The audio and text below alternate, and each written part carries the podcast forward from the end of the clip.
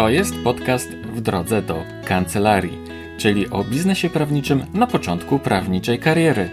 Ja nazywam się Rafał Chmielewski i w tym podcaście rozmawiam z doświadczonymi prawnikami, którzy niejedną wiosnę w todze mają już za sobą.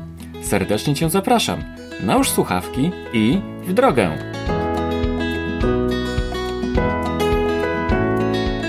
To jest 37 odcinek podcastu w drodze do kancelarii. Witam cię serdecznie, mówi jak zawsze z radością Rafał Chmielewski. Tematem przewodnim, głównym tego odcinka jest mediacja. Mój dzisiejszy gość jest bowiem jednocześnie doświadczonym adwokatem i doświadczonym mediatorem, a także gorącym zwolennikiem tej formy rozwiązywania sporów. Z naszej rozmowy dowiesz się m.in. jak zostać mediatorem, jaka jest zależność między obowiązkami adwokata i mediatora, a także to, dlaczego każdy adwokat powinien mieć podstawową wiedzę z zakresu mediacji.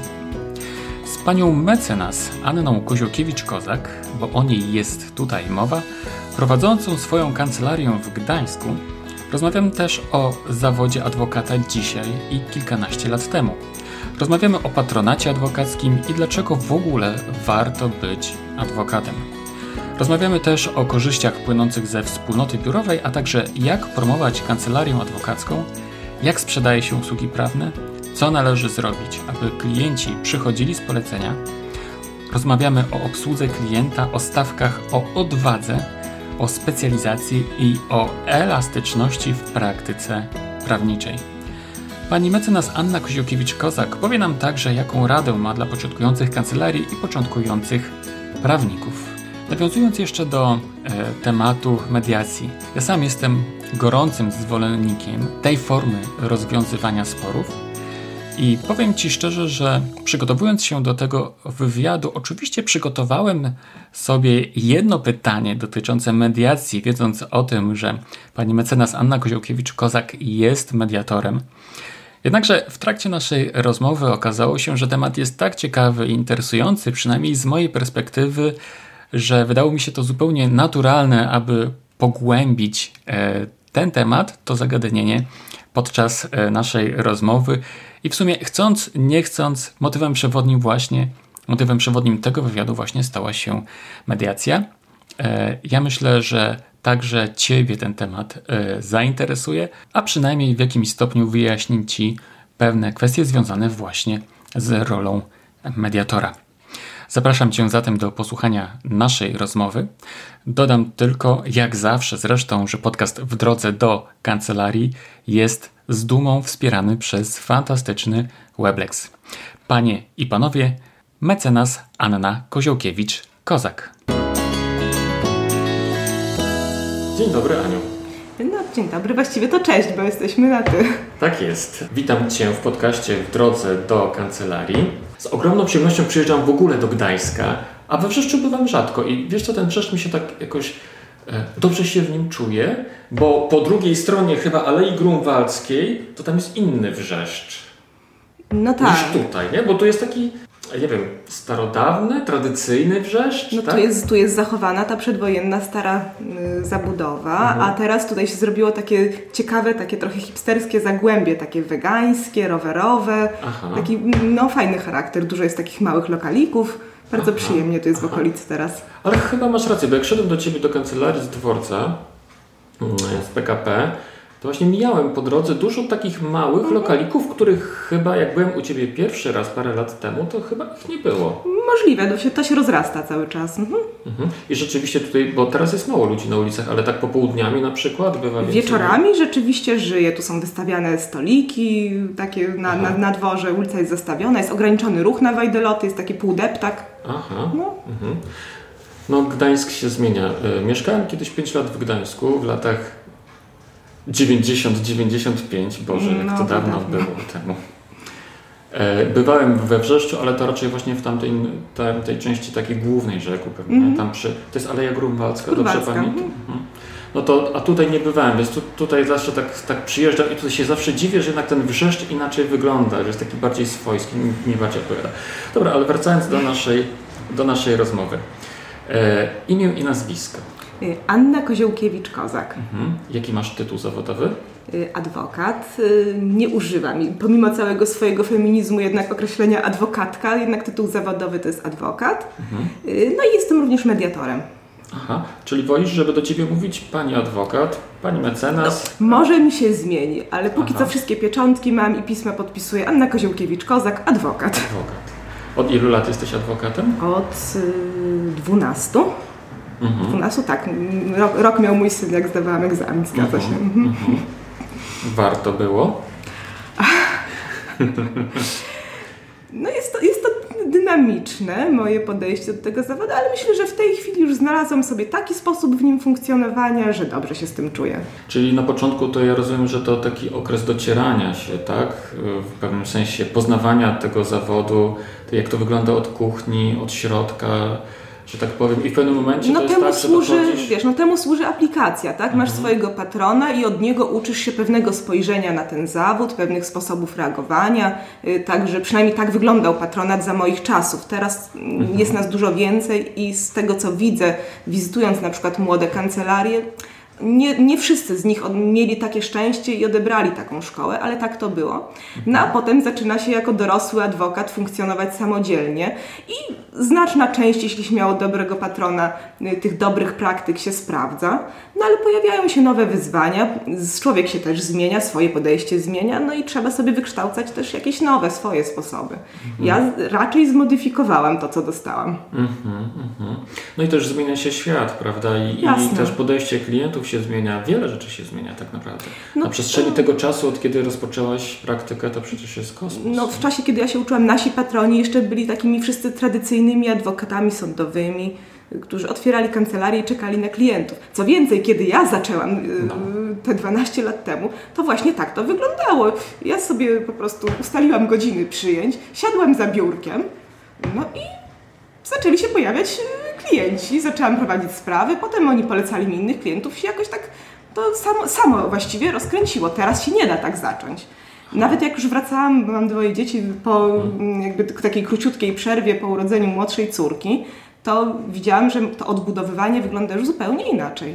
Nie wystarczy być dobrym i siedzieć za biurkiem, no niestety. Tak, wiesz co, to zaczynałaś kancelarię dużo wcześniej niż w ogóle powstał Weblex i ja zacząłem, mm -hmm. zacząłem tą promocję kancelarii za pomocą bloga prawniczego, e, ale nawet wtedy, jak ja, jak, jak, e, jak ja zacząłem to robić, to było 9 lat temu, to było tak, że spotykałem się właśnie z, wiesz, z prawnikami mm -hmm. doświadczonymi już, nie? I oni, wiesz, jak ja roz, rozmawiałem z nimi na temat blogów i w ogóle innych form promocji kancelarii, to wszyscy takie oczy wielkie robili, nie? I mówili, że kompletnie im jest to niepotrzebne. Do czego im to, jak oni właśnie jeden był taki pan, który mi pokazał, niech pan zobaczy, panie Chmielewski, umie, w poczekalni czeka kilka osób, ja, tak. ja nie muszę o tak było. myśleć. Tak było, ja miałam przez jakiś czas kancelarię w tak zwanym domu adwokata w Gdańsku, to jest takie miejsce, gdzie są takie malutkie pokoiczki, Y, i krzesła na korytarzu. I rzeczywiście, jak tam się wchodziło w godzinach, jak były tak zwane dyżury, no. no to ludzie normalnie siedzieli na korytarzach. Teraz tak nie jest, teraz tam jest pusto.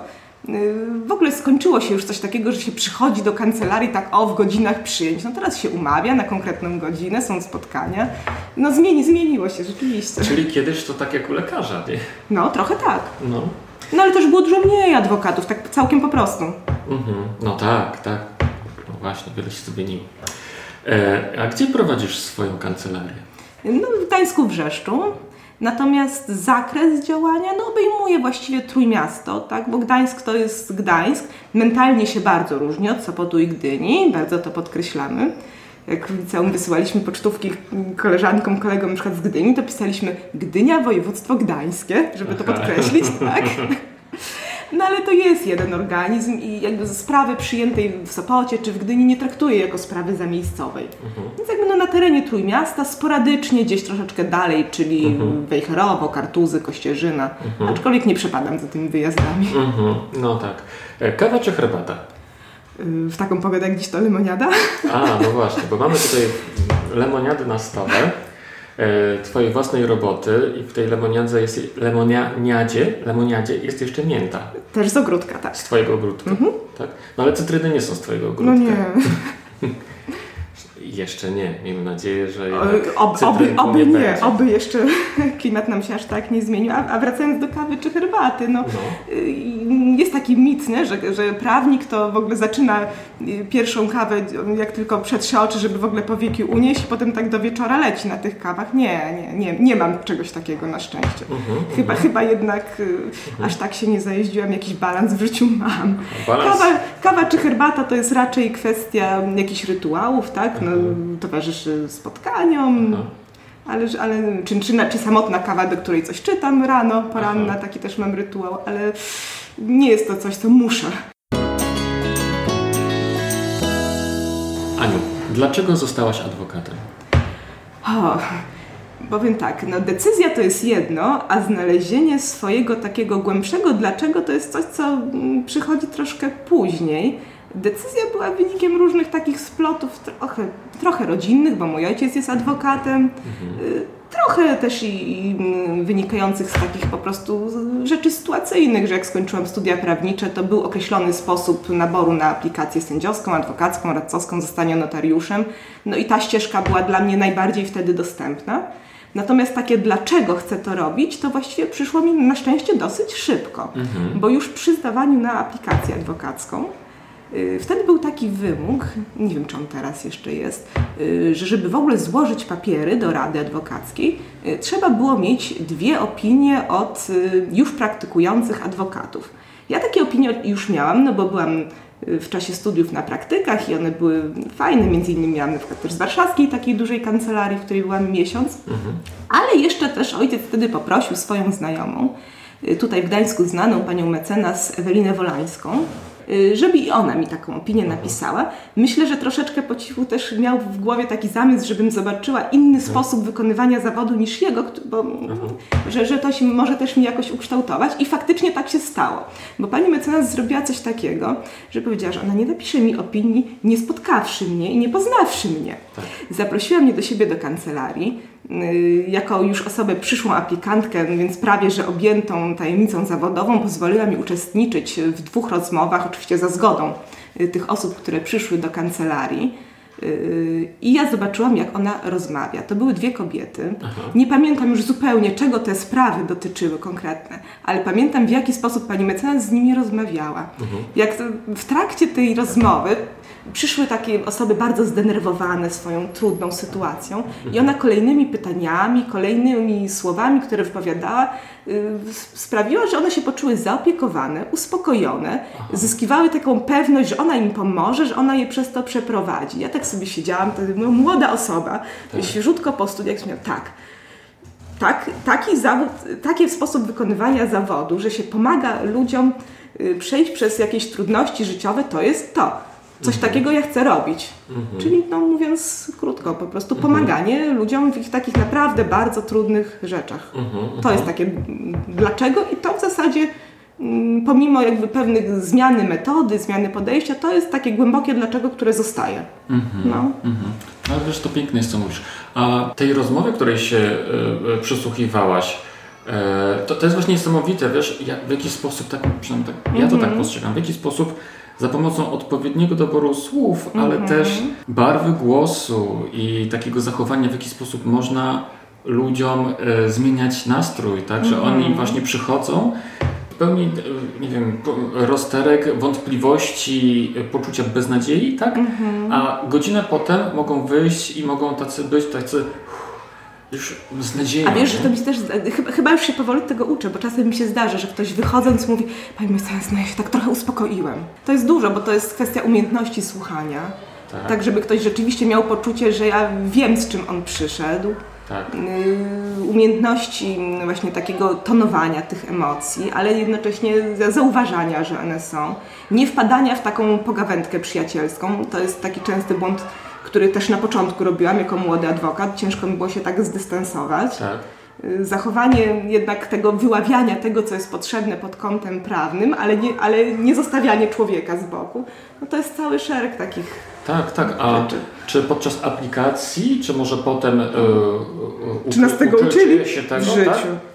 Czyli to jest Twoje własne doświadczenie, Twoja własna Niestety praktyka. tak. Kompletnie nie mamy w trakcie aplikacji żadnych y, szkoleń z zakresu takich umiejętności miękkich. Ja to odrobinkę próbuję przemycać, y, bo prowadzę na pierwszym roku takie zajęcia z mediacji y, mhm. w sprawach karnych.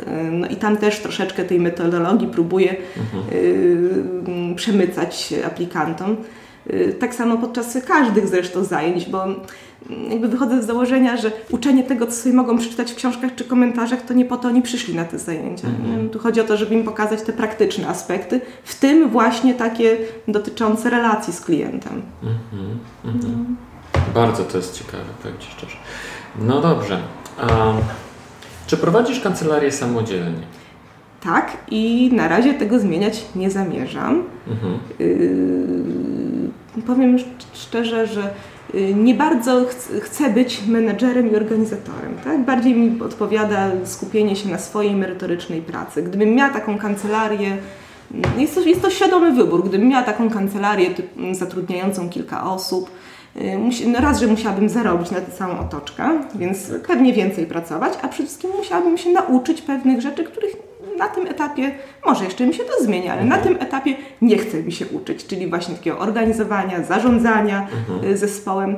Mhm. Y, miałam krótki y, taki moment zarządzania zespołem aplikantów, kiedy współpracowałam z większą kancelarią i jakoś mi to wychodziło, ale póki co bardzo cenię sobie taką niezależność, elastyczność. Mhm. To, że na przykład nie muszę przychodzić do pracy od do w garsonce, tak. No Bo no jak właśnie. masz ludzi, no to no, no musisz no, przed nimi tak. trzymać fason. Jeżeli oni mają przyjść do pracy na dziewiątą, to ty musisz być co najmniej za pięć dziewiąta, nie? Wypadało. No właśnie. No. A tak ja sobie pracuję kiedy chcę, jak chcę, sama sobie to rozplanowuję, nie muszę Oczywiście korzystam czasem z pomocy doraźnie, tak, aplikantów, mm, na przykład w przypadku jakichś zastępstw, czy mhm. nawet czasem jakiegoś pisania, ale tylko tak doraźnie. Mhm, mhm. A twój ojciec jest, jak wspomniałaś, adwokatem. Mhm. E, na pewno wiele się niego nauczyłaś też. E, czy współpracujecie ze sobą w jakiś sposób? Yy, coraz inaczej. Coraz inaczej? Yy, tak, to znaczy na no. początku to oczywiście była relacja mentor-uczeń, nie? no to jest jasne, tym bardziej, że ojciec był moim patronem. Yy, no a z biegiem czasu jest to coraz bardziej taka współpraca na zasadzie obopólnego dzwonienia siebie, do siebie, tak, że słuchaj, mam taki problem, a jak ty sądzisz? No. I jakiejś takiej merytorycznej dyskusji, jest to bardzo cenne. Na pewno. Yy, myślę, że już w tej chwili w obie strony. Mhm. No i też oczywiście mm, mamy tutaj już wspólnotę biurową, więc jest to też takie jakby podstawowe zastępstwo, tak? Urlopowe mhm. na przykład. No tak. tak. Wyjeżdżam na urlop, zostawiam y, wszystkim klientom wiadomość, że co do zasady jestem na urlopie i jeśli tylko będzie to możliwe, to proszę uszanujcie to, ale jeżeli coś się będzie waliło i paliło, no to na pewno jest drugi adwokat, który Wam pomoże. Mhm. Czyli jak otrzymałem ostatnio e, autorespondera z Twojej poczty, że jesteś mhm. w górach, tak? tak? To tam był e, prośba o kontakt, to była właśnie do Twojego taty. Tak, tak, okay. tak, tak. Jest to takie zawsze, zawsze z, taką, z takim zaznaczeniem, że no, jak już naprawdę się nie da mhm. poczekać. No mhm. chyba, że jest to dłuższy urlop, no to wtedy yy, może się zdarzyć mhm. rzeczywiście. Mhm. E, Aniu, nie jesteś jedynie adwokatem. Na swojej stronie internetowej napisałaś tak. Jestem adwokatem i mediatorem, a także wizytatorem kancelarii adwokackich z ramienia Okręgowej Rady Adwokackiej w Gdańsku oraz egzaminatorem podczas kolokwiów rocznych dla aplikantów adwokackich. I tak sobie myślę, że musisz być strasznie zajętą osobą. A to nie wszystko, nie? Nie wszystko. Jeszcze jestem no. na przykład członkiem y, komisji odwoławczej od egzaminu adwokackiego przy Ministerstwie Sprawiedliwości. Ostatnio napisałam fragment podręcznika dla aplikantów. No, no generalnie jestem taką ośmior ośmiornicą trochę. Mam, mam, sporo tych macek. Aha, aha. Ale znajd jak znajdujesz czas na to wszystko, żeby to wszystko... Bo ja rozumiem, że nie, nie, wszystkie te obowiązki wymagają takiego po prostu bieżącego... To nie jest tak, że to się wszystko naraz dzieje. Właśnie, no. Znaczy to, to jest coś takiego, że te macki, one się nawzajem uzupełniają. To nie są macki jak każda z innej parafii. Tak Y, takie macki z innej parafii to raczej traktuję jako hobby. A mhm. tutaj jest tak, że każda z nich pomaga lepiej robić y, coś w tej drugiej dziedzinie. Nie? No, na przykład nie wiem, bycie mediatorem y, pomaga mi y, przeprowadzić rozmowę z klientem, który przychodzi do mnie jako klient do adwokata, bo mhm. jeśli na przykład rozważamy y, polubowne roz, rozwiązanie sprawy, to ja dokładnie wiem, o czym ja do niego mówię. Ja mu mhm. mogę naprawdę powiedzieć, jak to wygląda, o co w mhm. tym wszystkim chodzi. To nie jest tak, że ja słyszałam, że jest jakaś mediacja, tylko ja to znam od podszewki i mogę też go dobrze do tego przygotować, żeby to było jak najefektywniejsze. Tak?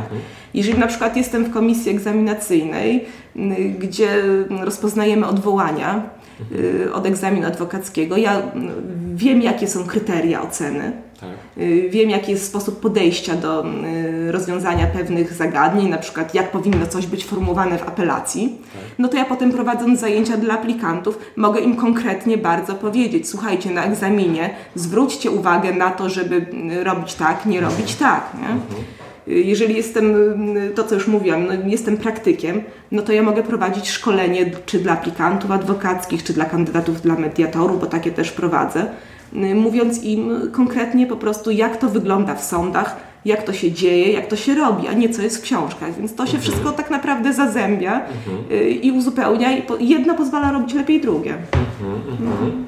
Czy według Ciebie każdy adwokat powinien być również mediatorem? No nie, no bez przesady, nie? Natomiast no. każdy powinien, powinien y, mieć y, pojęcie, co to jest. A każdy ma pojęcie? Nie.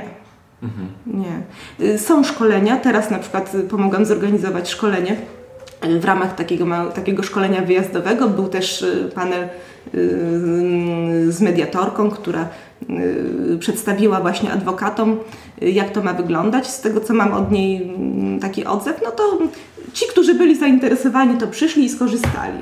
Mhm. Więc takie rzeczy się dzieją. Dużo osób skorzystało? No właśnie procentowo nie wcale. Mhm. No. Mhm.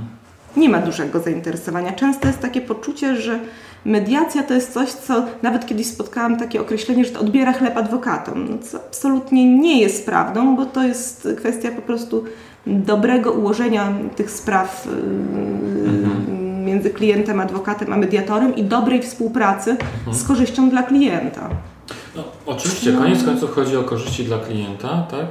Ale też tak sobie myślę, że przecież, ale mediacja to nie jest przecież działalność pro bono, nie? Więc tak? A może się mylę? No nie, oczywiście, że no nie. Natomiast y, w tym rozumieniu jest to, że jakby klient jak y, idzie do mediatora, to nie zapłaci adwokatowi, ale to nie jest prawda, bo w mediacji jest potrzebne wsparcie prawne przeważnie.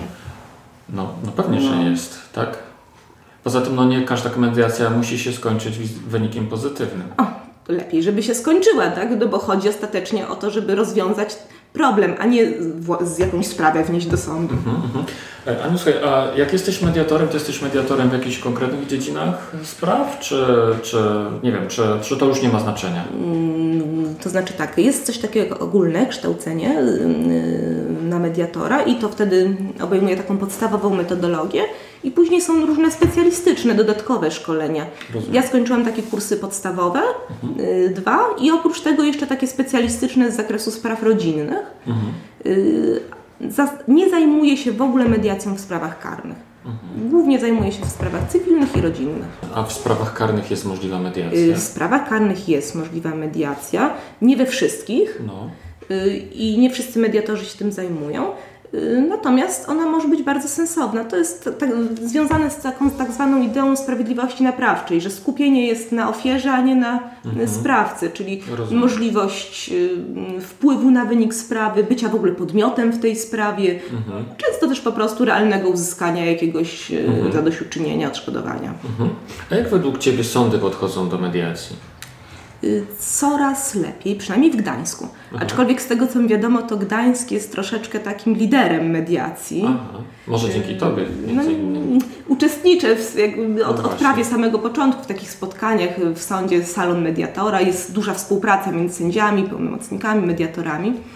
Y, I w Gdańsku te odsetki są, z tego co mi wiadomo, spraw kierowanych do mediacji i zakończonych ugodą wyższe niż gdzie mhm. indziej. No. Czyli ale jest, bardzo duży nie jest nadal. Ale, jest, ale widzisz jakiś progres? Yy, coraz więcej, tak. No. A co według Ciebie by trzeba było zrobić? Tak, ja ogóle... Myślimy o tym od lat, co by trzeba było zrobić, żeby było więcej. No właśnie, o to chciałem Cię zapytać. Największa przeszkoda chyba jest na poziomie po prostu yy, nawet nie tyle wiedzy, bo wiedza o mediacji już jest. To już nie jest ten etap taki zupełnie początkowy, że w ogóle nikt nie wiedział, że coś takiego istnieje. Chociaż yy, klienci, którzy przychodzą, często się zdarza, że w ogóle nigdy w życiu nie słyszeli.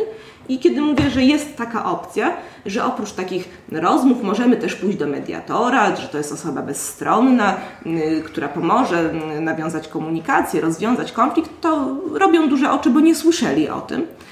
Natomiast w tej chwili jest to już nie tyle kwestia wiedzy, jeżeli chodzi na przykład o sądy czy pełnomocników, ile takiej świadomości, że to daje inną jakość niż taka próba ugody na sali sądowej, bądź nawet poza salą, ale tylko z samymi pełnomocnikami.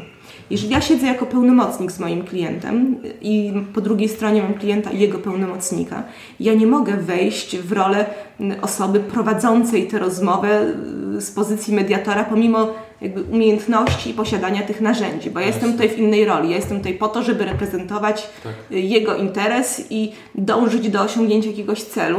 Ja nie mogę na przykład zacząć ze zrozumieniem wysłuchiwać drugiej strony, no bo mój klient by poczuł, że jego jasne. zaufanie zostało nadużyte. Nie mogę wyjść ze swojej roli. Jasne. Więc po postawieniu osoby trzeciej, mediatora, który to wszystko może zrobić, no, zupełnie zmienia przebieg takiej rozmowy. Jasne. A masz czasami takie wrażenie, że ten mediator, no. ta osoba trzecia, tak? Myślisz sobie, ale bałwan. Bywa, tak?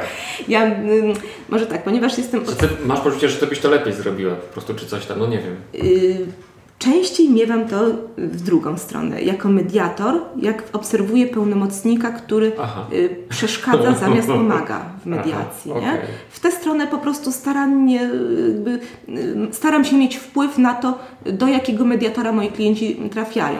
Y, ponieważ jestem sama w tym środowisku, więc tak zawodowo wiem, kto w jakich sprawach po prostu jest dobry i sobie poradzi. Aha, rozumiem. No. E, rozumiem też, że nie, wszyscy, nie każdy e, mediator jest prawnikiem. Oczywiście, że nie i wcale nie musi być. Nie musi być. Nie, natomiast fajnie jest, jeżeli potrafi współpracować dobrze z prawnikami. Krótko mówiąc, każdy wtedy robi swoje, tak? Mediator zajmuje się tym, żeby ludzie się usłyszeli i żeby znaleźli yy, rozwiązanie. A potem prawnicy siedzą i z takiego porozumienia, które ma dwie linijki w ich odczuciu, robimy umowę na trzy strony, nie?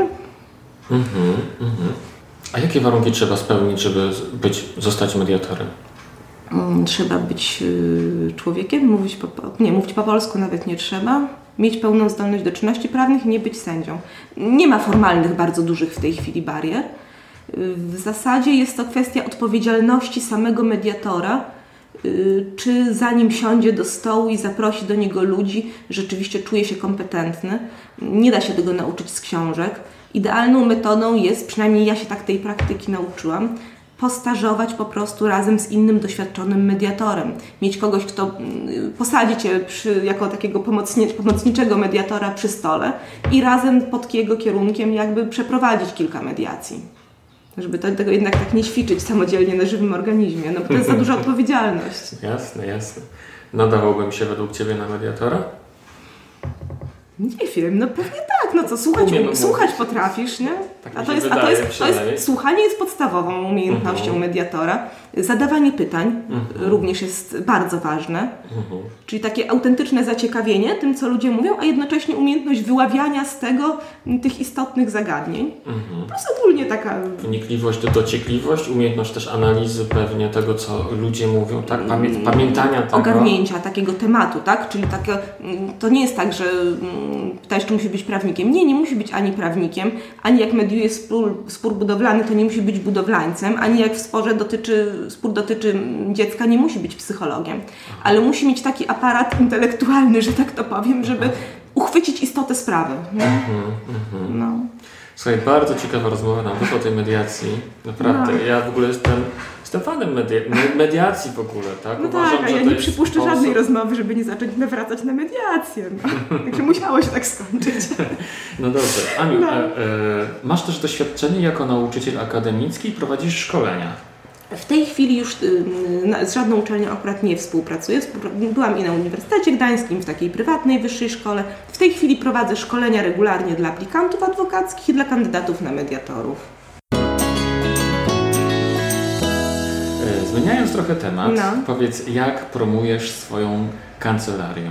No w ogóle przecież nam nie wolno, nie? no.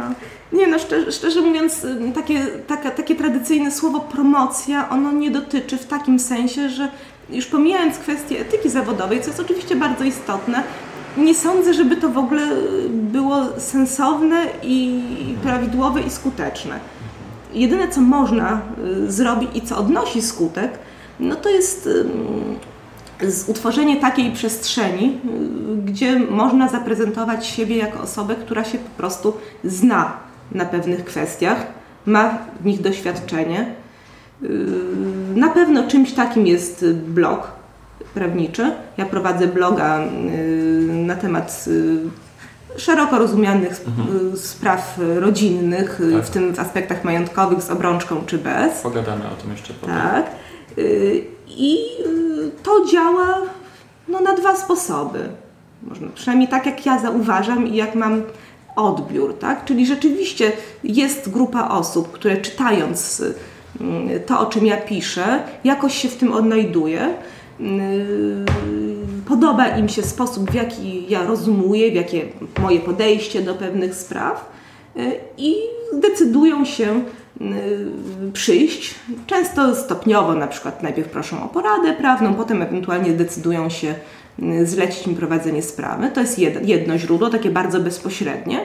A drugie to jest takie, że cała rzesza bliższych, dalszych znajomych, y, cioć znajomych, kuzynów znajomych, dzięki temu, że ten blog jest, to tak w miarę konkretnie wie, czym ja się zajmuję. Mhm. No i działa tak samo cała rzesza na przykład osób w zawodach pokrewnych, z którymi współpracuję, choćby wspomnianych wcześniej mediatorów. Mhm. I później, jeżeli jest taka sytuacja, że gdzieś ktoś z ich otoczenia ma tego rodzaju problem, no to często po prostu zaskakuje. Aha, ta Koziołkiewicz-Kosek, kto się tym zajmuje, to wiesz, może, może spróbuj iść do niej. Mm, Więc to, to, tak dwutorowo y, działa. Natomiast no, nie jest to żadna promocja bezpośrednia, jest to po prostu miejsce, w którym mam szansę pokazać, że rzeczywiście jestem praktykiem w tych dziedzinach. Mm, mm, Czyli ty w, w, promujesz swoją kancelarię, budując swoją markę. Najlepszą markę, jaką może budować adwokat. Wiedza, doświadczenie, E, podejście do klienta, umiejętność zbudowania z nim relacji? No wydaje mi się, że tak, mhm. bo, bo jakby to, w jaki, to, to, to, o czym piszę, to zwykle mhm. jest, no nie piszę, co jest w kodeksie, nie? no mhm. bo taki, to, to jest bardzo, takich miejsc, gdzie można to sprawdzić, jest mnóstwo. Mhm. Raczej piszę o swoich jakichś spostrzeżeniach, swoich przemyśleniach, swoich, swoim podejściu do rozwiązywania konkretnych problemów. Mhm. No. Mhm. A e, jak według Ciebie dzisiaj sprzedaje się usługi prawne? Dosyć trudno na pewno. Zwłaszcza w takiej dziedzinie jak moja. Ja wspomniałam, że się zajmuję głównie prawem rodzinnym. Z prawem rodzinnym to jest trochę tak jak z piłką nożną, nie? Każdy się na tym zna. No. Jest takie powiedzenie, że rozwody, bije, pije, nie łoży trzy przepisy na krzyż, co to za w ogóle, nie? Mhm. Jakby pomijając ten aspekt, że y, bardzo ważne jest to, czego nie jest tak łatwo się nauczyć, czyli właśnie praktyka i doświadczenie. Mhm. Y, I, I właściwie, właściwie to jest o wiele ważniejsze. Znaczy, oczywiście przepisy i, i pewne y, bieżące trendy w orzecznictwie to jest coś, co każdy prawnik musi znać i to jest jakby oczywiste i z taką wiedzą, że nad tym, tego musimy się uczyć, to wychodzimy ze studiów i z aplikacji. Natomiast y, z tym, że trzeba też się nauczyć pewnych takich umiejętności miękkich, mhm. niekoniecznie. To, o czym rozmawialiśmy na początku. No. Masz też e, klientów z polecenia. Mhm. Aniu, powiedz, e, co według Ciebie jest ważne w takiej codziennej praktyce, mhm. aby Ci klienci właśnie z polecenia chcieli rzeczywiście przychodzić. Mhm. Czyli jak, jak, zrobić zadowolonego klienta, mówiąc wprost, tak? Troszkę? no chyba tak, chyba no. tak. Ale zadaję to pytanie nie bez przyczyny, no. ponieważ wiele, wiesz, wiele kancelarii, z którymi rozmawiam, mówią mi tak, że Czasy, kiedy klienci przychodzili z polecenia, to już się skończyły. Oj nie, absolutnie nie. Zdecydowana większość moich klientów wręcz powołuje się w pierwszej rozmowie, na przykład telefonicznej, że dzień dobry, yy, dzwonię z polecenia i wymienia mi często konkretnie kogo nawet. Od kogo. No, no, właśnie, więc co według Ciebie trzeba zrobić, jak trzeba się, nie wiem, może zachowywać, czy coś mhm. innego, żeby rzeczywiście ci ludzie chcieli polecać Twoją kancelarię? Mhm. Myślę, że to jest trochę więcej niż wygrać sprawę tym, tak? Znaczy to jest oczywiste, że jeżeli, jeżeli się wygra komuś sprawę, no to on jest zadowolony, ale jeszcze chodzi o to chyba jak to się zrobiło, w jakim stylu. Mhm. Nie wiem, myślę, że to są takie naprawdę banalne rzeczy, wiesz? To nie jest, to nie jest jakieś wielkie efekciarstwo. Nie jest wiedza tajemna, tak? Znaczy, wiesz, no, jak siadasz do samolotu, no to oczekujesz, że jak masz, jak, jak siadłeś w samolot do Berlina, no to oczekujesz, że bez jakichś specjalnych perturbacji po prostu wysiądziesz w tym Berlinie tak, jak ci obiecano, nie? I tu chyba trochę coś takiego jest. To są takie rzeczy, że się jasno umawiasz na starcie, co jest, co nie. Też y, jasno przedstawiasz, tak? Ja nigdy nie robię czegoś takiego, żeby na przykład obiecywać rezultat, który jest nie do osiągnięcia, jeżeli sprawa jest trudna. Tak. Y, ale jest szansa, no to wprost to mówię. Jest tak, jest tak, jest tak żeby klient też świadomie zdecydował na przykład jaką ścieżką pójdziemy, to on decyduje, a ja mu pokazuję którędy. Jasno się wtedy na to umawiamy. Y, kwestia też takiego poczucia zaopiekowania w trakcie myślę, że też jest ważna. Mhm. Y, czyli na przykład y, jak coś się dzieje, albo, się, albo to, to, to, żeby była natychmiast informacja, albo jak się właśnie nie dzieje długo, to też wysyłam maila, że dzień dobry, sprawdzałam, no niestety jeszcze nie ma tego czy tamtego, bo wiem, że on na tą informację czeka i się denerwuje. Czyli obsługa klienta, nie. czyli jak wchodzisz do tego samolotu, to oczywiście oczekujesz tego, że, on, że wysiądziesz w Berlinie, tak? No. Ale między innymi też przyjemnie jest, jeśli na przykład nie masz kolan pod brodą, nie? Wiesz, jeśli, wiem, jeśli wiem, co się dzieje w trakcie, mhm. tak? To jest na przykład w sprawach rodzinnych na przykład bardzo ważne jest, nauczyłam się w pewnym, właściwie trochę na błędach, nie? Bo, bo, bo miałam przerażony telefon od klientki, że kurator do, się do niej zapowiedział. Aha, no tak, ona przecież tego nie wie, że ten kurator przyjdzie. Mhm. Tak? Jest coś takiego, że w każdej sprawie rozwodowej, w której są małoletni dzieci, sąd wysyła do ludzi kuratora, żeby porozmawiał, sprawdził, zobaczył, jak wygląda sytuacja tego dziecka. Kurator to się kojarzy, prawda, od razu z jakimś, jakąś kontrolą, z ograniczeniami władzy rodzicielskiej, a to jest po prostu standardowe działanie. I teraz już się nauczyłam standardowo w każdej sprawie rozwodowej mówić, że yy, od momentu, kiedy złożymy pozew, w przeciągu pewnie miesiąca Y, pojawi się u Pana, u Pani kurator sądowy. Mhm. Tak, żeby on wiedział, że tego ma się spodziewać i żeby nie był tym faktem przerażony, zdziwiony, zaskoczony. Mhm, mhm. E, Aniu, a czy masz e, w swojej kancelarii, czy w swojej praktyce jakieś takie zasady, zwyczaje, procedury, które dotyczą obsługi? Chociaż właśnie żeśmy o tym porozmawiali no, przed chwilą, tak. nie? To właśnie to, to takie to jest ten zakres obsługi klienta, który ty realizujesz i dzięki temu twoi klienci po prostu wiedzą, co będzie dalej. Mm są jakby pewni tego, oni czują no. się bezpiecznie. Wiesz, ważne jest też coś takiego, żeby ustalić takie zasady współpracy, żeby klient wiedział, czego ma oczekiwać od Aha. adwokata, a, a czego niekoniecznie, nie? Mhm. Że na przykład, nie wiem, jeżeli powołujemy świadków, ja, ja nie wiem, yy, kto ma wiedzę na temat jego sprawy to klient mhm. to wie. Mhm. I, ja, I to on musi mi tej wiedzy dostarczyć. On musi mi powiedzieć, że mam koleżankę, która widziała to, to i tamto. Mhm. Nie? No ja przecież tego to, to nie jest tak jak na y, filmach, nie? Że, że adwokat chodzi i, i y, szuka dowodów, jak w Ameryce. Mhm. U nas to tak nie funkcjonuje. Aha, Więc jakby jasne jest też y, y, określenie, y, co jest moją rolą, a co jest rolą klienta, żeby ta współpraca się dobrze układała. Nie? Tak. Dobrze, więc zmieniając no. temat po raz kolejny, rozmawialiśmy chwilę o Twoim blogu z obrączką czy bez. Mhm. E, powiedz mi, dlaczego zdecydowałaś się kiedyś na taki krok, żeby właśnie założyć blog prawniczy? Pomijając jakieś takie aspekty marketingowe, które pewnie gdzieś tam w tle były, ja po prostu miałam Y, zaczęłam mieć takie narastające poczucie wszechwiedzy. No wiesz, robisz się doświadczony, masz ludziom coś do powiedzenia i potrzebujesz po prostu miejsca, żeby się tym swoimi mądrościami podzielić. Aha. Czyli po prostu miałam, a, a, a, gdzie to robić, tak? No właściwie dobrze jest mieć takie swoje miejsce w tak, sieci, tak. gdzie sobie na swoich własnych zasadach tak. możesz y, pisać, jakie masz poglądy na pewne sprawy, jak, jak to widzisz. Tak. Więc potrzebowałam trochę czegoś takiego, takiego medium. Aha, no. I według Ciebie to medium, znaczy blog, ale spełnia te, No spełnia, no bo to ja tam rządzę, ja, no. ja, ja, decyduję co i jak i kiedy tam się, się dzieje, a ktoś inny ma szansę y, wtedy jakby poznać mnie od tej zawodowej strony, jakie ja mam podejście mhm. Y, do pewnych zagadnień i na pewno y, części osób to nie odpowiada i, i całe szczęście, bo wtedy oni do mnie nie przyjdą i nie ma rozczarowania. Nie? Tak, tak jest. A, warto według Ciebie promować kancelarii za pomocą bloga prawniczego? No wydaje mi się, że, że, że to co powiedziałam wcześniej, nie? że to jest takie dwutorowe źródło, z, no, z którego jednak się biorą klienci. No więc jeżeli chodzi o warto w takim sensie przełożenia po prostu na to, że kancelaria się kręci, no to tak. A czy coś więcej daje? Wiesz, ja się sporo uczę pisząc tego bloga, serio, bo... No masz rację, że to słowo warto to jest tak w ogóle nie? wieloznaczne. Ale tak. wiesz, wa warto też dla mnie, bo y, ludzie zada zadają różne pytania, tak? W komentarzach. No. Y, i zdarza się, bo życie jest zawsze bogatsze niż wszystko, co tak. wymyślisz. Nie? I zdarza tak się, że trafi się tam jakiś taki problem, że to jest dla mnie wyzwanie intelektualne. Ja muszę się autentycznie zastanowić, no. jak jest, jak jest prawidłowo, jak powinno mm, to zostać rozwiązane.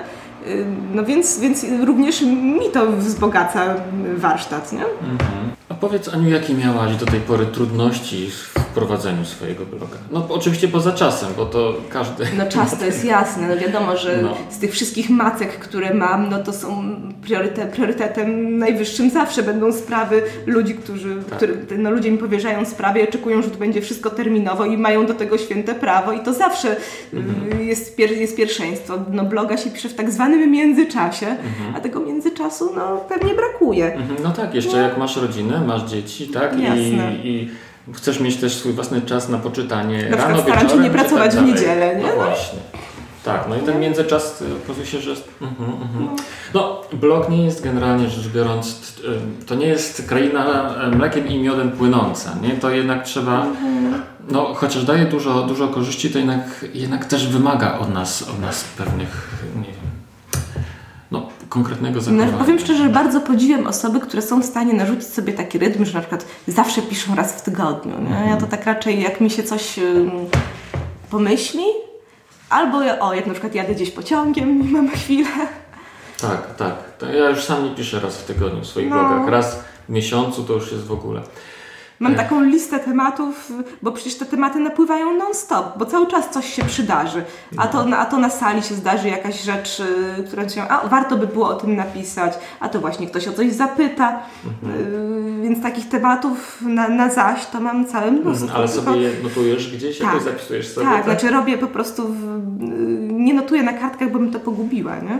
Po prostu w samym blogu piszę Aha. tytuł i tych, Aha, i tych kilka luźnych myśli, które kiedyś rozwinę i takich napoczętych artykułów to tam troszkę mam. No. Aha, aha.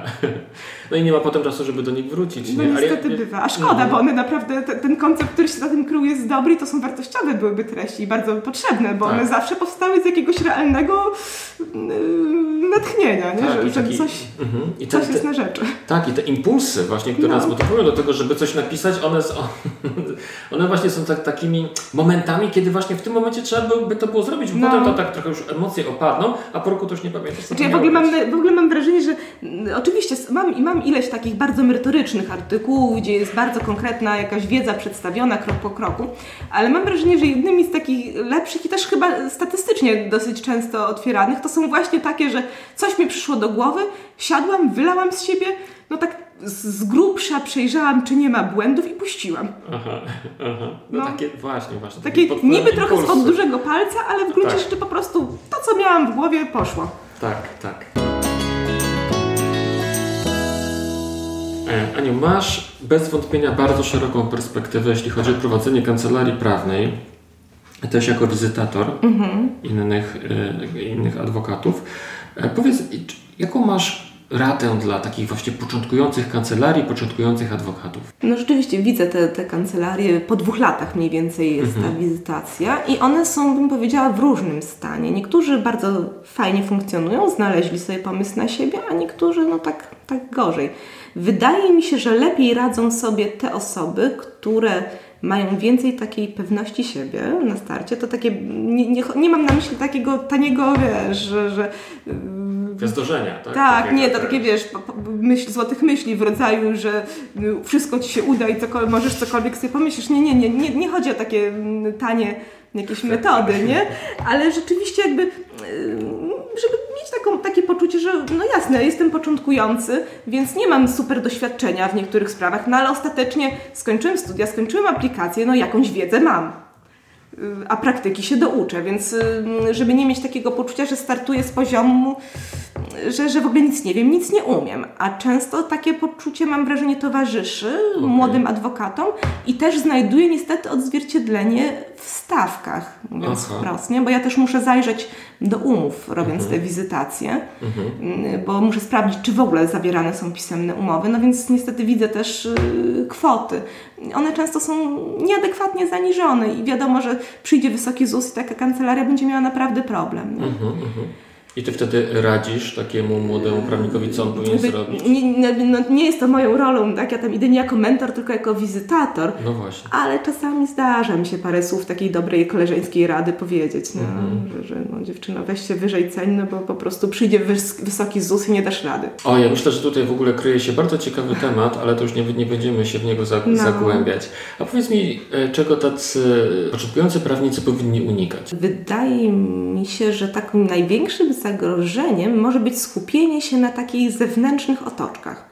Mhm. Czyli jakby na, na, nadmierne, wpuszczenie nadmiernej energii w to, że muszę mieć ładne biurko, y, ładne obrazy na ścianie, y, elegancki taki wygląd mhm. zewnętrznej kancelarii. Oczywiście, że to jest ważne i kancelaria no, musi jakoś wyglądać, tak, żeby to nie było jakoś y, no, uwłaczające godności zawodu, że tak górnolotnie to no, ujmę, no. nie?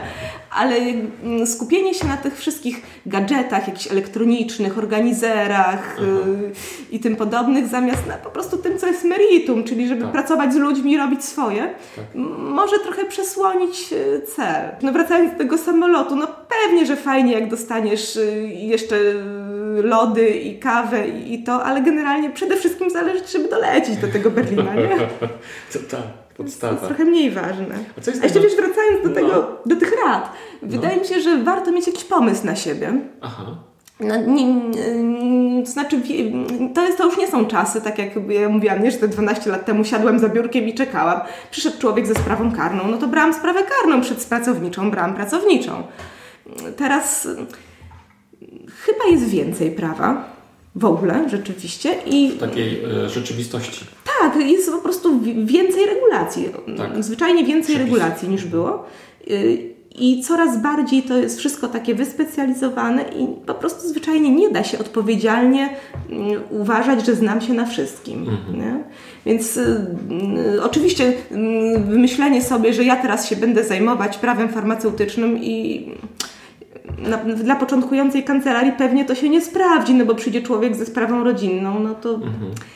Czyli jakby to, to też trzeba mieć taką elastyczność w sobie i zobaczyć, co życie przynosi. Jeżeli się okazuje, że więcej jest spraw jakiegoś typu, no to może warto to wzmocnić, jeżeli to dobrze idzie. Mhm. Albo jeżeli na przykład okaże się, miałam na przykład taki moment, y, że okazało się, że bardzo tak dobrze mi się współpracuje z klientami z zagranicy, którzy mają do załatwienia w Polsce sprawy spadkowe. Mhm.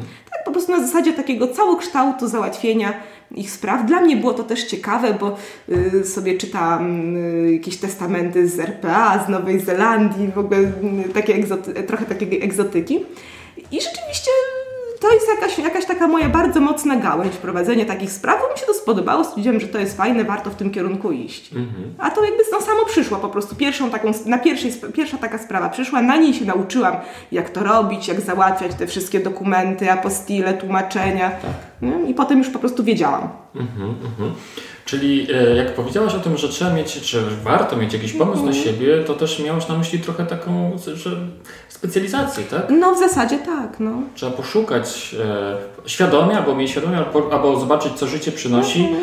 I po prostu się dowiedzieć, dowiedzieć, jeśli ktoś nie wie wcześniej oczywiście, nie? Bo może no też stąd wcześniej. się biorą klienci z polecenia. No, klient Y, zawsze przysyła klienta raczej z podobnym zagadnieniem. Klient, y, któremu przeprowadziłam sprawę o podział majątku, raczej przyśle klienta z podziałem majątku czy działem spadku, a no nie tak. ze sprawą z zakresu ubezpieczeń społecznych. No tak, tak, jasne. Praca adwokata wymaga dużo, dużo zdrowia. Bo tak, z jednej strony siedzisz przy komputerze, z drugiej strony pewnie spędzasz dużo czasu, bywa, na sali sądowej. W sumie mhm. też tam się, się siedzi no. i się wcale za bardzo nie rusza. I między kancelarią a sądem musisz czasami przenieść kilogramy akt, co wpływa niekorzystnie na. Staram się mieć mniej. Na, na zdrowie. E, I w jaki sposób dbasz o ty o swoje zdrowie? Nie wiem, jeżdżę na rowerze do sądu. No na przykład. na przykład. Zamiast samochodem. Tak. I przy okazji nie zatruwasz powietrza CO2. A w ogóle jestem szybciej. I mam gdzie zaparkować. Przede wszystkim mam gdzie zaparkować. Potem w pokoju adwokackim sobie rozmawiamy, kto, ile kilometrów od sądu zaparkował, a wiecie, a mój pojazd stoi tutaj pod drzwiami. A słuchaj, ale jak jeździsz do sądu na rowerze i masz rzeczywiście y, y, czasem coś cięższego, to, to co, co, co robisz? No zawsze mam. Mhm, okay. Taką normalną turystyczną. Aha, no. okej. Okay. W jednej, w jednej akta, w drugiej togę. Rozumiem. I w sądzie się przebierasz? No tak. No, już jesteś wtedy... Nie no, w szpilkach nie jeżdżę na rowerze. Mhm. Nie. Chociaż widziałabym też już. Okej. Okay. No i wakacje spędzasz?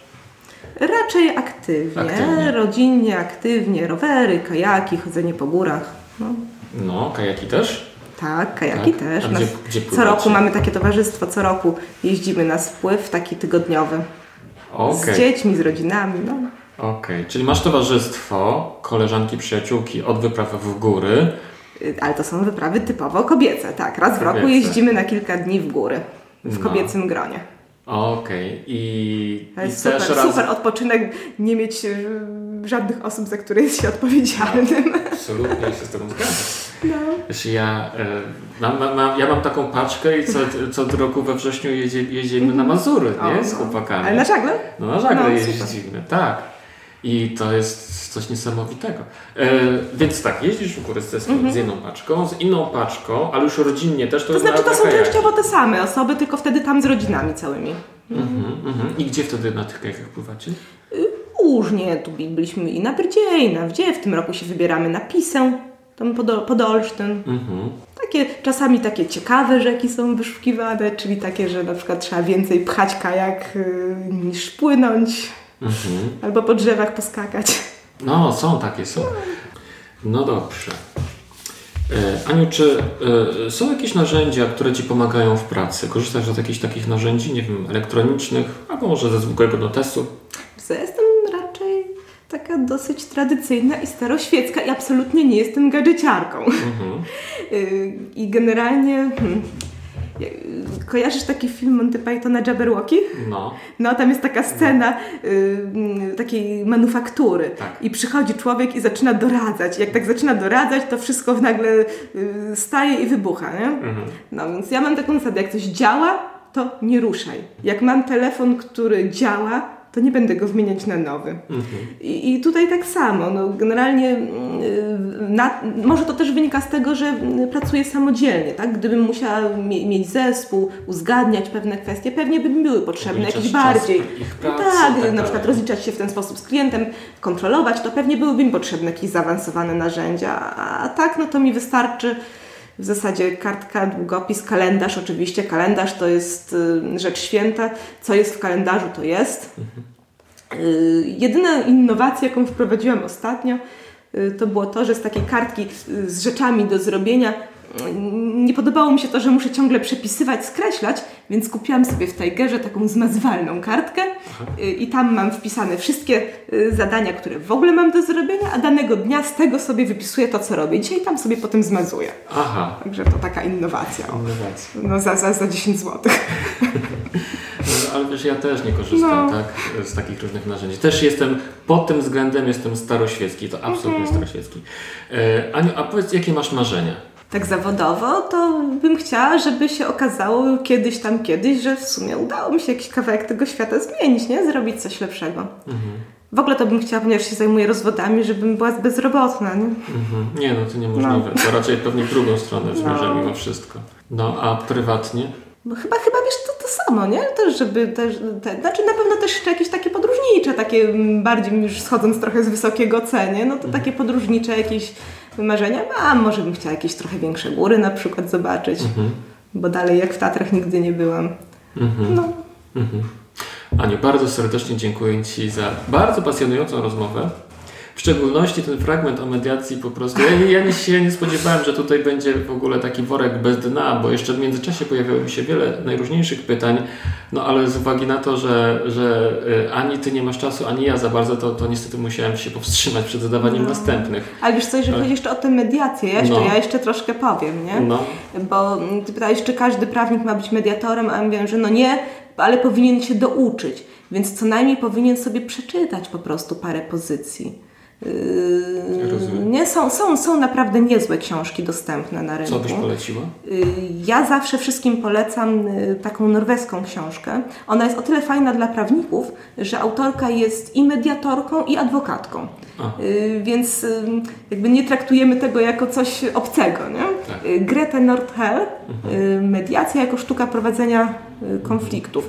Mhm. I ona pokazuje właśnie takie bardzo szerokie, bardzo takie humanistyczne też spojrzenie na konflikt, na spór, na to, jak nie pogubić ludzi w tych wszystkich sprawach. Naprawdę mhm. bardzo wartościowa pozycja, którą należałoby znać. Mm -hmm, A to jest taki jakiś rodzaj poradnika? To jest bardzo praktyczna książka. Mm, praktyczna. Ona opisuje całe mnóstwo y, przykładów ze swojej własnej praktyki. -hmm. Na takiej zasadzie, że przyszedł do mnie mm, ktoś i ktoś i zadziała się taka sytuacja i ja wtedy zadałam takie pytania, zrobiłam to i to przyniosło taki efekt. Mhm, mhm. Więc tak maksymalnie praktycznie pokazane po prostu, co może się zadziać w mediacji. Mhm. Także y, warto, aby każdy prawnik, każdy adwokat przeczytał sobie chociażby tę książkę. Na pewno, to, to warto. No. Mhm. Jakieś inne lektury? W ogóle warto y, pewnie czytać książki z dziedzin jakichś pokrewnych. Czyli na przykład, jeżeli ja się zajmuję prawem rodzinnym, no to powinnam znać y, jakieś takie podstawowe y, mechanizmy, na przykład y, dotyczące psychologii rozwojowej dziecka. To nie chodzi o to, żeby wchodzić w, nie swoje buty, bo tego jakoś bardzo uważam, że trzeba pilnować. Mhm. Tak? Czyli jak jestem, jak rozmawiam z klientem jako adwokat, to nie mogę wejść, nawet jeżeli mam w tyle głowy gdzieś jakąś wiedzę, w doradzanie mu z zakresu psychologii, mhm. bo najzwyczajniej w świecie to nie jest moja działka i nie spędziłam lat praktyki na tym i mogę powiedzieć coś, co go skieruje na jakieś niewłaściwe tory. Natomiast rozumieć pewne procesy i mechanizmy muszę, mhm. chociażby po to, żeby się nie dać wpuścić w maliny i w jakieś takie, nie zakałapućkać się takie podstawowe mechanizmy, tak? Mhm. Typu, że nastolatek mówi, że nie chce się widywać z tatą, no to oznacza na pewno to, że no nie, trzeba wiedzieć, że jaka jest y, sytuacja tej, takiego nastolatka, co tam u niego w głowie mniej więcej siedzi, co może być rzeczywistą przyczyną, mm, uświadomić też i klientowi, że no, to jest całe spektrum możliwości, że może powinien jakoś szerzej na to spojrzeć. Więc na pewno takie dokształcanie się troszeczkę z dziedzin pokrewnych, żeby mieć jakieś takie pojęcie. A co jeszcze? Hmm. I to troszkę też nawiązuje do tego tematu, o którym wspomniałaś. Yy do tej idei znajdowania pomysłu na siebie, tak? Że, mhm. że gdy, jeśli ktoś nie ma pomysłu na siebie, to nie ma szans, żeby y, nawet nie przyjdzie mu do głowy, żeby pogłębiać swoją wiedzę, czy żeby poszerzać swoje horyzonty w jakichś konkretnych dziedzinach, bo po prostu... Mm, tak, no to jest coś, co już umówiliśmy, nie? Ze studiów, z aplikacji wychodzimy rzeczywiście z takim głębokim poczuciem, że musimy się dokształcać, jeżeli chodzi o taką twardą wiedzę, tak? Mhm. Czytać świeże orzecznictwo, mhm. komentarze, mhm. natomiast jeżeli chodzi o jakieś dziedziny poboczne, pokrewne, to raczej trzeba na to samemu wpaść. Warto, myślę, też Y, inspirować się, czytać, czy to jakieś wywiady, czy książki y, z takimi y, tradycyjnymi, starszymi adwokatami, mhm. Żeby też nie pogubić trochę istoty zawodu. Mhm. Mhm. Tu mam na myśli na przykład coś takiego, tu w Gdańsku mamy na przykład tradycję, ale nie tylko oczywiście w Gdańsku, jeżeli chodzi o adwokatów, którzy bronili w procesach politycznych. To była Aha. zupełnie inna sytuacja, bardzo Aha. specyficzna. Mhm. ale też warto słuchać. Na przykład ostatnio wyszła taka książka, mm, wywiad z mecenasem y, Taylorem. Y, warto, warto takie rzeczy też czytać, mhm. Żeby nie zapominać, że bycie adwokatem to jest no trochę więcej niż zawód. Mhm. Mhm. Jasne, jasne. Aniu, jeszcze raz bardzo serdecznie Ci dziękuję za, za rozmowę. Dziękuję również. Bardzo była mi miła. Mi również.